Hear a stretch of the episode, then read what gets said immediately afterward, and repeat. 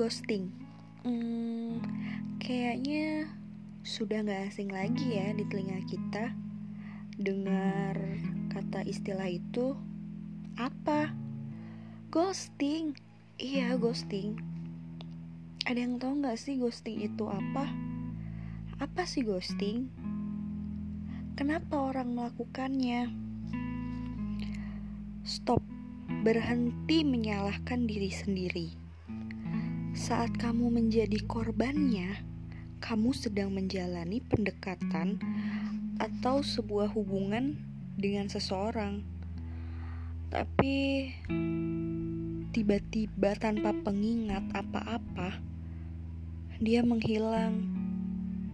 Tidak ada pesan, tidak ada telepon, tidak ada pembicaraan sama sekali. Bahkan dia tidak merespon semua pesanmu. Kamu juga tahu, sebenarnya dia tuh masih hidup. Dia hanya tiba-tiba mengakhiri hubungan tanpa memberi penjelasan. Lalu, bagaimana orang yang melakukan ghosting?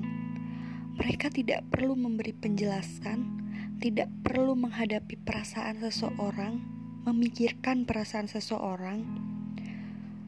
Lalu, bagaimana dengan mereka yang menjadi korban ghosting?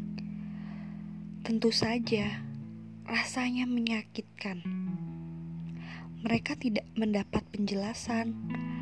Mereka kerap bertanya-tanya dan menyalahkan diri mereka sendiri. Dan pada akhirnya, korban ghosting selalu merasa cemas, khawatir, bahkan insecure pada diri sendiri. Sebetulnya, ini sih termasuk pengalaman pribadi ya. Beberapa bulan yang lalu kayak pernah ngerasain yang namanya ghosting, di ghosting. Itu emang rasanya tuh gak enak banget.